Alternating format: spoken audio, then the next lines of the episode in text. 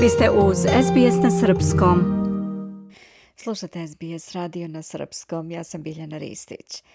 U nastavku akcije koja je počela privođenjem bivše predsjednice Vrhovnog suda Crne Gore Vesne Medenice, uhapšene su još dve osobe u Baru i Ulcinju. Medenica je uhapšena po nalogu specijalnog državnog tužilaštva na osnovu transkripta Evropola, na osnovu kojih se došlo do saznanja da je bila upoznata sa ilegalnim poslovima njenog sina i u kojim se aludira da je koristila svoj položaj da ga zaštiti. Vesna Medenica je neretko i javno nazivana ključem svih afera aktuelnog predsjednika Crne Gore Mila Đukanovića. Takav uticaj omogućila joj je pozicija na kojoj je bila 17 godina, a koja je jedna od najmoćnijih u zemlji, javljaju mediji u regionu.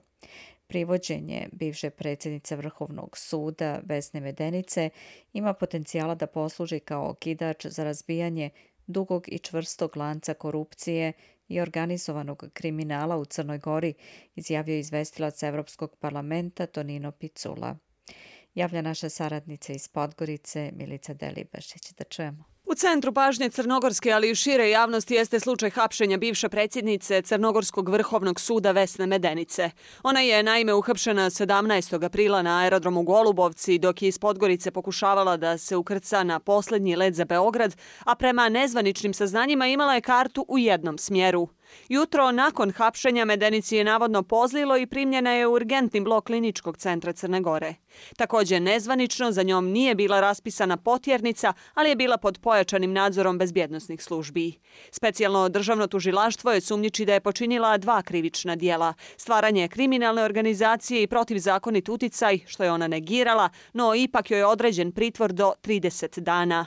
Nakon te odluke Višeg suda ona je vraćena u klinički centar gdje je u noći nakon saslušanja pokušala da izvrši samoubistvo, povrijedivši se staklom u kupatilu. Nakon nje, pripadnici policijskog sektora za borbu protiv kriminala uhapsili su više osoba za koje su sumnja da su članovi kriminalne grupe koju je organizovao njen sin Miloš Medenica, a o čijim je radnjama dokaze crnogorskim pravosudnim organima dostavio Europol, do kojih su došli preko kriptovanih poruka putem aplikacije Sky.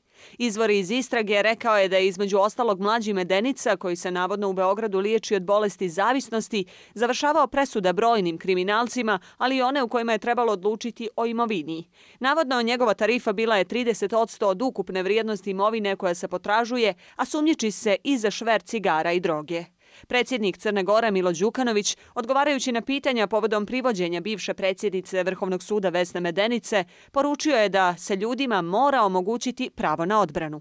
Dozvolimo da nadležni državni organi rade svoj posao i poklonimo im povjerenje. I ja poklanjam povjerenje i tužilaštvu i eventualno sudstvu ako dođe do sudskog procesa da se e, objektivizira odgovornost svakog pojedinca, bez obzira e, šta prethodno radio i kolike zasluge imao u prethodnom razvoju Crne Gore. Mislim da je Crna Gora, to ne smijemo previdjeti, pokazala tu sposobnost u, u određenim slučajima ovakvog tipa. Novinare je ranije zanimao i predsjednikov stav o Medenici te o njegovom odnosu sa bivšom predsjednicom Vrhovnog suda.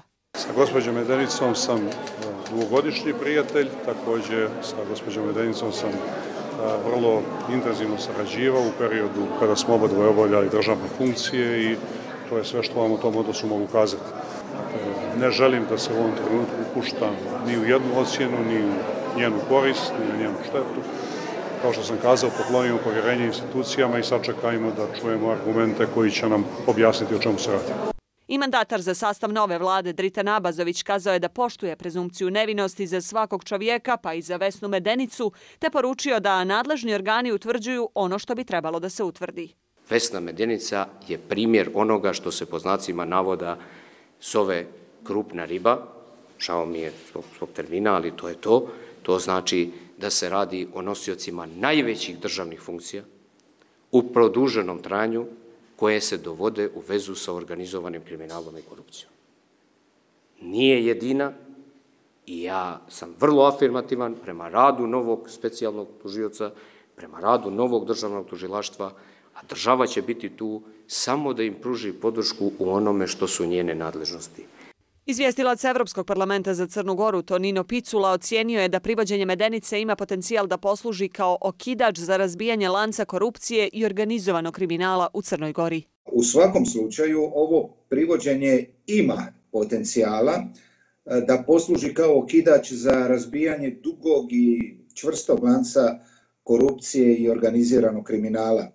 Luka Bar eh, za ljude koji se bave ilegalnim aktivnostima već dugo predstavlja ne samo e, bezcarinsko područje, već e, gotovo područje e, bezvlađa. S druge strane, treba također kazati, u Luci Bar je u nekoliko navrata razbijen lanac krijumčarenja robom i svaki put je to bilo obilježeno tekstovima, napisima, kako je to kraj organiziranog kriminala u Crnoj Gori, ali u najboljem slučaju radi se o početku kraja, jer hobotnica korupcije ima jako duge i rekao bih žilave e, krakove. Uprava policije nije se zvanično oglašavala o slučaju Medenice u kome su dvojica uhapšenih i njihovi službenici. To nije učinilo ni specijalno državno tužilaštvo. Iz te institucije ranije su objasnili da zbog zaštite interesa postupka koji je u toku ne mogu davati informacije o predmetu u kom je uhapšena i nekadašnja vrhovna državna tužiteljka Vesna Medenica. Iz Podgorice za SBS radio Milica Delibašić. Želite da čujete još priča poput ove? Slušajte nas na Apple Podcast, Google Podcast, Spotify ili odakle god slušate podcast.